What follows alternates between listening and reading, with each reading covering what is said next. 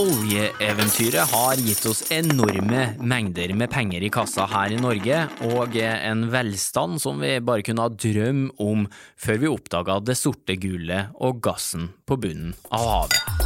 Rett og slett en fest for norsk økonomi. Men uansett om du nå er for eller mot opphenting av olje, så vil vi en dag måtte rydde opp etter denne festen. Og plugge igjen alle disse etter hvert tomme oljebrønnene våre. Det blir en dyr ryddeøkt. Og store deler av regninga blir dekka av staten, med andre ord fra den felles pengesekken til alle oss i Norge, deg, meg, ja hele gjengen. Men med noen smarte grep så kan vi spare oss for hundrevis av milliarder av kroner, og finne løsninger som kan være nyttig på klimafronten i årene som kommer.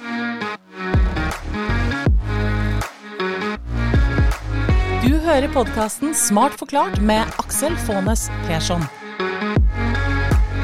Hjertelig velkommen til en ny episode av Smart forklart, podkasten fra oss i Sintef der du risikerer å bli litt klokere og få litt større tro på framtida for hver eneste gang du lytter innom. I denne episoden så handler det om hvordan vi kan stenge oljebrønnene på en mye rimeligere måte enn vi gjør i dag, og dermed slippe at staten bruker opp en god del av dine og mine pensjonspenger blant annet på denne ryddejobben, og også hvordan den forskninga kan hjelpe oss til gevinst på flere områder når det kommer til klimakampen. Og han som skal forklare for oss i denne runden, heter Harald Linga. Velkommen, Harald. Takk for det. Eh, Hardangers eh, store sønn Øystese, er det ikke det? det? Helt rett. Ja, sa jeg det riktig òg? Ja. Yes! Den har jeg øvd litt på. Eh, forskningsleder i Sintef og leder av innovasjonssenteret Svipa, som eh, prøver å finne nettopp de her løsningene. Eh, dere er en svær gjeng som er på den oppgaven? ja, vi er både industri- og forskningspartnere og universitet, så ca. 30 personer jobber i senteret, mer eller mindre. Eksempel Equinor er med, Schlumberger, eh, 25 andre industriselskap, og Forskningsrådet er da de som største finansieringspartner. Ja, både forskere og industrien sjøl, altså. Som Ja. er på laget her. Ja, men Det er spennende. Eh, Du, La oss starte på det helt grunnleggende her. da. Eh, Hvordan ser en oljebrunn ut? Ja, Da går vi ut i Nordsjøen, så ser vi for oss en eh, oljeplattform som kan være veldig stor. Ned fra den går det stigerør ned til havbunnen, og der starter brønnen.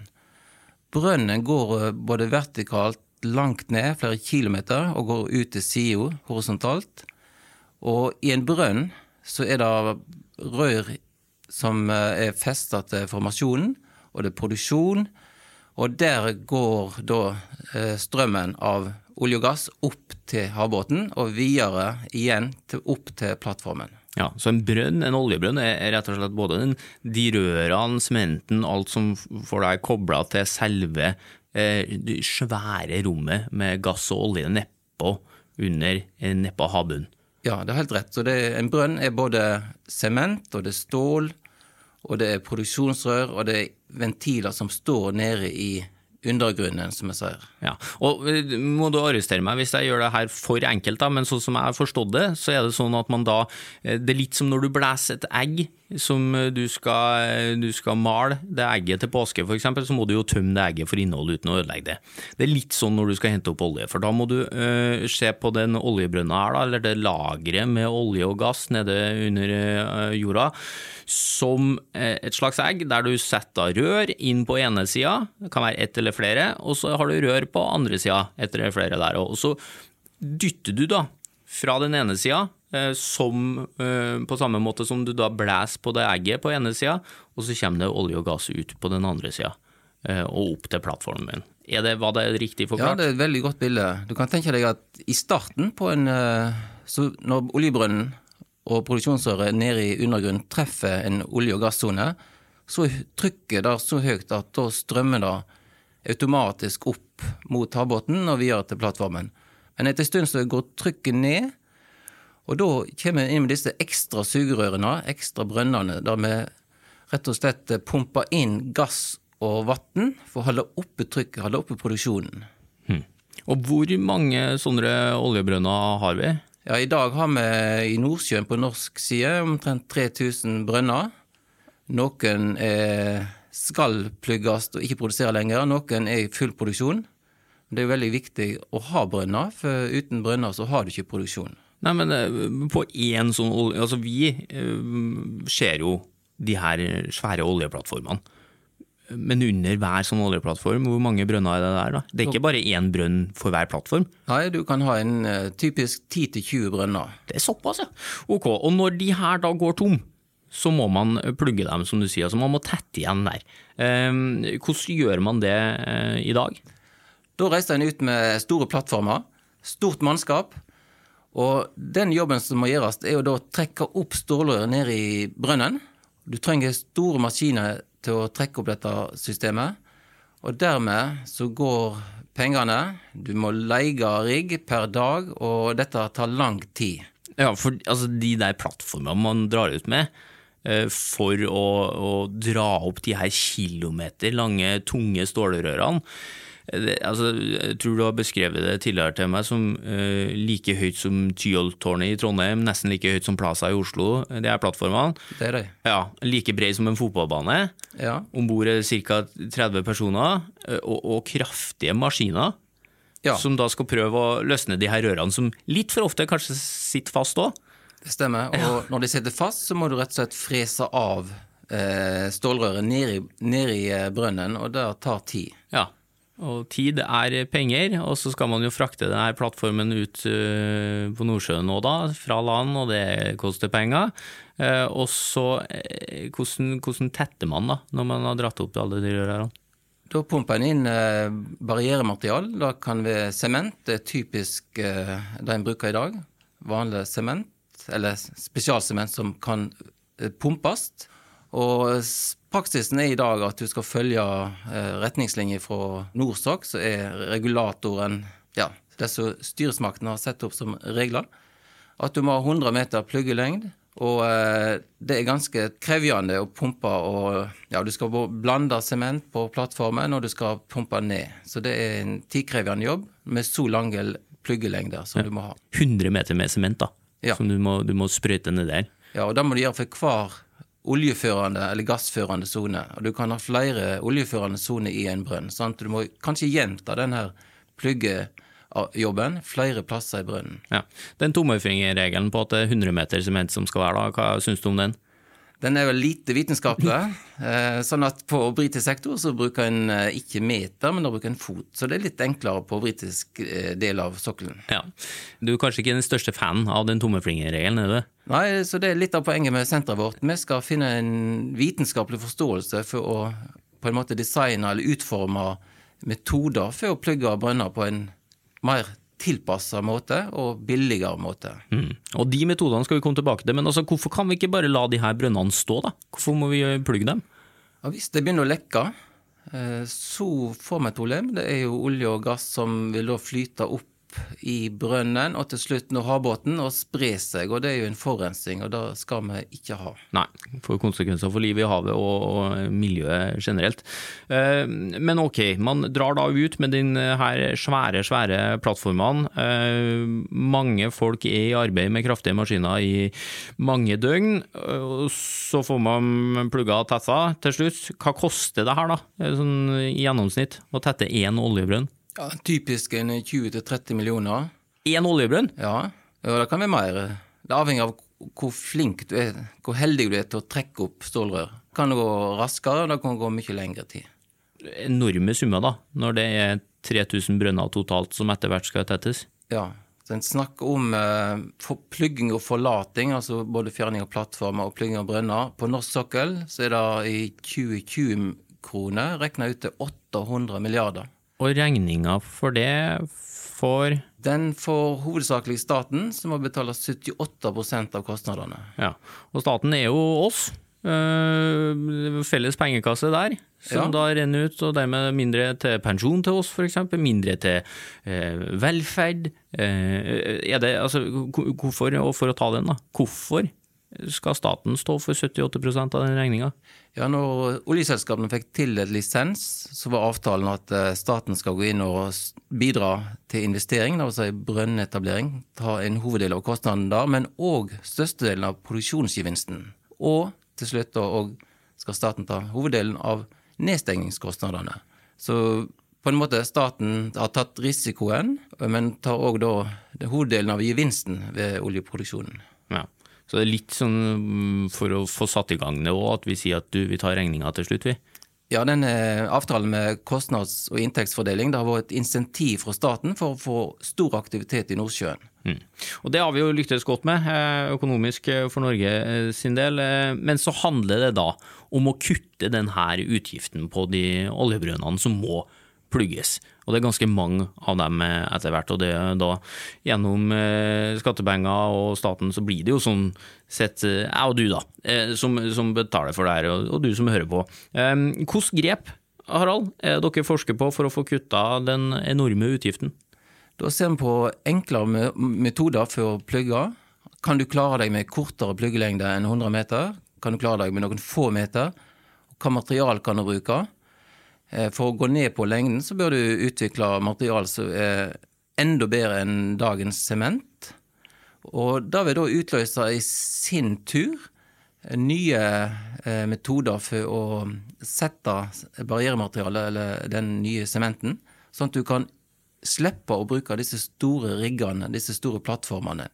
Kan du få ordna eh, den pluggelengden, den korte pluggelengden, ved hjelp av et fartøy, så har du spart enorme summer. Ja, Så du slipper å dra ut med den gigantiske plattformen, men heller bare ha noe sånn eh, lettere fartøy, da? Nettopp. Ja. Så lettere fartøy er stikkordet, men da må du òg ha ny teknologi i, nede i brønnen, og teknologi som er sikker og trygg, som fremdeles sikrer at du ikke har lekkasje. Ja, Hvilken teknologi kan det være, da? Det kan være nye barrierematerial som er enda mer elastiske, som på en måte presser ut hele tverrsnittet av en brønn, sånn at du er sikker på at selv om temperatur og trykk varierer i brønnen for evigheten, som vi sier, så vil du fremdeles ha en tett barriere. Unngå lekkasje. Er dere på god vei der, da, eller er dere fortsatt å teste med sement? Vi tester flere nye materialer nå, men vi bruker da sement som et referansetestmateriale for å se om er dette bedre enn sement eller dårligere sement? Hva egenskaper har vi på disse nye materialene? Ja, Er det gummi vi snakker om eller hva, hva er det dere utvikler? Det er ikke gummi, men det er material som kan ha de beste egenskapene til gummi. Det vil si at de kan være veldig eh, tette mot eh, omgivelsene. Så vi ser da på f.eks. geopolymer, vi ser på epoksyblandinger. Vi ser på òg sement som et tilsetningsstoff som gir veldig gode egenskaper, nye egenskaper til dagens sement. Hva er det det skal tåle? Du snakka om at det skulle stå til evig tid. Det skal tåle å stå der og være tett for evigheten. Det er da kravet fra Petroleumstilsynet. Og nede i brønnen så kan det være et veldig tøft miljø. Det kan være korrosive eh, gasser CO2, vann og H2S, giftig gass. Og materiale som tåler dette her, er ikke hverdagsmateriale. Nei, nei, det er vel en grunn til at dere må, må forske på det. De er fartøyene du snakka om, da. Eh, hvordan, har du noen eksempler på hvordan de kan se ut? Ja, Det kan være typisk bare en tidel av plattformstørrelse. Og det er jo flytere, altså det er jo fartøy du kan lett flytte rundt. Og du trenger mye mindre mannskap enn, enn på plattformer eller rigger for fjerning. Mm. Og, og, og, hvis dere lykkes da med alt det her, hvor mye er det realistisk å få ned regninga da? Da snakker vi om å halvere kostnadene for, for eh, fjerning av uh, plugging av brønner og fjerning av uh, rør. Gjøre jobben ferdig. Flere hundre milliarder kroner, altså? Det er riktig. Ja. Og så er det jo ikke, det er bonus her da, det er jo ikke bare store summer eh, med penger vi kan spare oss her. altså Det dere finner ut kan også brukes på eh, andre områder enn tetting av oljebrønner, altså områder som kan gi oss en stor gevinst på klimafronten. Ja, det er riktig. For uh, det vi ser på er jo det vi kaller brønnintegritet. Hvordan er bestandigheten til en brønn? Og Den er en funksjon av hva materialet vi setter ned i brønnen, rundt produksjonsrør eller foringsrør. Og brønner har du i andre bransjer, f.eks. geotermi. Jordvarme, rett og slett? Ja. ja.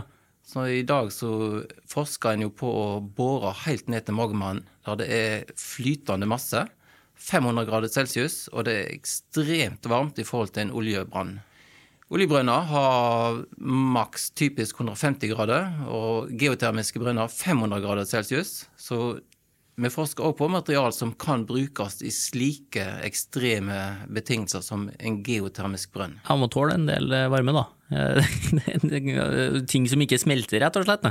Og som ikke utvider seg, forminsker seg og alt det der. Ja, for når du bruker en geotermisk brønn, så har du en oppstartsfase der brønnen er nokså kald, f.eks. 100 grader celsius. Så kjører du på med innstrømming fra magmannen, og da går temperaturen opp flere hundre grader.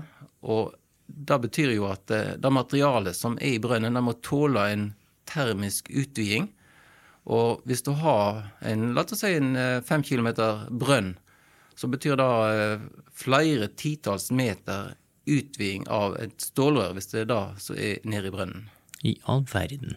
Ok, så det er ett punkt. Det er tre punkt til man kan bruke det her på. Et annet et er altså CO2-lagring. På hvilken måte da? CO2-lagring er òg et uh, tøft miljø. En ser i dag på bruk av uh, ja, egentlig gamle gass- og oljereservoar der du kan lagre, men en ser òg på nye områder i, nede i undergrunnen der det er gunstig å lagre CO2. Dvs. si at du har en tett sone rundt uh, formasjonen, sånn at du unngår lekkasje. Men materialet som du bruker til å fòre en brønn med, altså barrieremateriale mot berggrunnen, det må tåle sure, de sure egenskapene til CO2. Og det er òg ganske tøft. Og i tillegg, CO2-brønner gir jo ikke en Der produserer du ikke en verdi, men du, du lagrer CO2 for, for, å spare miljøet. Det betyr at du er nødt til å finne veldig billige løsninger for å ha her, eh, ha økonomi i slike brønner. Ja. Og, og, apropos lagring, det er punkt nummer tre man kan bruke der til av totalt fire punkter. Hydrogenlagring. Hydrogen er jo en eh, energikilde som du kan utvinne, omforme hydrokarbon fra. Sånn at eh, hvis du behandler hydrokarbon, så kan du få CO2 og hydrogen. Eh, hydrogen krever store trykk for å lagres flytende. 900 bar typisk. Og det er jo enormt trykk. Hvis du skal lagre dette i en, en ståltang, så må du ha flere titalls centimeter tjukke rørvegger, typisk, for et stort volum. Så vi ser da på muligheter for å lagre hydrogen ned i undergrunnen, langt ned i undergrunnen, der du har en eh, tett sone rundt, og du kan på en måte bruke naturen som skall i en trygt system. Det er jo genialt, hvis dere får til alt det her. Og ikke nok med det. Eh, punkt nummer fire, radioaktivt avfall. Ja, det er jo et nasjonalt ansvar to ehm, Både reaktorene i Halden og på Kjeller er jo nå nedstengt. Og det høyradioaktive avfallet derifra, det er i nasjonal ansvar å lagre trygt og sikkert. Og teknologi for lagring av høyradioaktivt avfall, det er jo òg et nasjonalt ansvar med, som krever en lagring i en brønn. Og teknologi, kunnskap fra dette forskningssenteret vårt, SVIPA, kan jo òg brukes til å utvikle teknologi for dette formålet. Ja. Mye spennende i årene som kommer altså, fra, fra, dere, forhåpentligvis, da, hvis den forskninga her eh, går så bra som dere eh, tror den gjør. Eh, men det er jo en grunn til at det her ikke er ferdigforska ennå. Hva, hva, hva er de største utfordringene framover? Største utfordringen er å finne og forstå hvordan et materiale oppfører seg, bevise at det oppfører seg. Det gjør vi da først i eh, laboratorieskala, småskala, mellomskala. Så har vi en testinstallasjon på litt større skala. Og så må en da velge hva teknologi vil en teste ut i felten, altså ut i en ekte brønn. Og Den vet du jo spesielt overvåker for å se om den nye teknologien fungerer. En slik prosess tar ofte veldig lang tid. Det heter teknologikvalifisering. Og i vår bransje, olje- og gassbransjen, så kan det gjerne ta ti år for å utvikle en teknologi fra idé til ferdig kommersiell installasjon i felten. Ja, Men er dere allerede nå ute i den storskalatestinga, eller er dere på laben fortsatt? Vi er hovedsakelig på laben nå, ja. ja. Når kommer man seg til, til stortesting, da? Eh, da regner vi med kommer veldig kjapt, for det er stort behov for teknologien. Og senterperioden vår er åtte år. Vi har nå vært inne i to år. eh, så vi regner og håper på at eh, vi vil kjøre felttester, dvs. Si operatørselskap vil ta dette i bruk i løpet av eh, eh, la oss si neste tre-fire år. Ja. Og hvor dårlig tid er det i ditt hode nå? Ja, det er jammen ikke lang tid du har på deg, for eh, globalt er det jo Ja, det går retning fornybarsamfunnet, og det er jo politiske beslutninger som vil styre dette.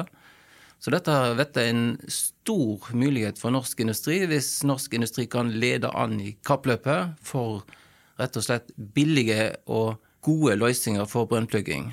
Norge er tross alt bare en liten, liten produsent av olje og gass i global sammenheng. Sånn at for norsk industri et fotfeste kan vise at de har topp teknologi, så kan dette være en, en god, god, økonomi for norsk industri framover. Ja. Og, og, og, når ser vi liksom for oss at den store bølgen av nedstenginga kommer? da? Ja, på norsk sokkel så er det rundt år 2030. Da vil det virkelig være behov for stor og ny teknologi. Betyr at du har åtte år på deg å komme i mål, Harald? ja, eh, cirka det. Ja, da er det bare å, å sette i gang. Jeg blir litt stressa på dine vegne her, men, men, mulighetene er der. Absolutt. Det er veldig viktig for uh, både Norge med å redusere kostnadene våre, og for å sette norsk industri i posisjon til å være en stor global aktør i den bransjen her. Herlig. Jeg må si tusen takk da, for at du tok deg tid til å være med her i Smart forklart. Takk, det var veldig artig og veldig hyggelig for å fortelle litt om vår forskning i den brønnpluggeaktiviteten. Og veldig hyggelig å ha deg med også. Takk til deg som hører på også. Vi setter som alltid enormt stor pris på at du er en del av den store Smart forklarte gjengen vår, og her har vi plass til flere. Som du vet av noen som trenger en liten dose fremtidshåp, så må du gjerne tipse dem om at vi finnes. Flere forskningsnyheter kan du få tak i på sintef.no, gemini.no og Sintef-bloggen. Og så kan du sende oss en e-post med ris, ros eller innspill til smartforklart alfakrøll.sintef.no akkurat når det passer deg. Smart forklart i ett ord der, så leser jeg og svarer på alt som kommer inn i den innboksen. Nye episoder fra oss er på vei om ikke så altfor lenge, og i ventetida fram til da skal forskerne her i Sintef fortsette å utvikle teknologi for et bedre samfunn.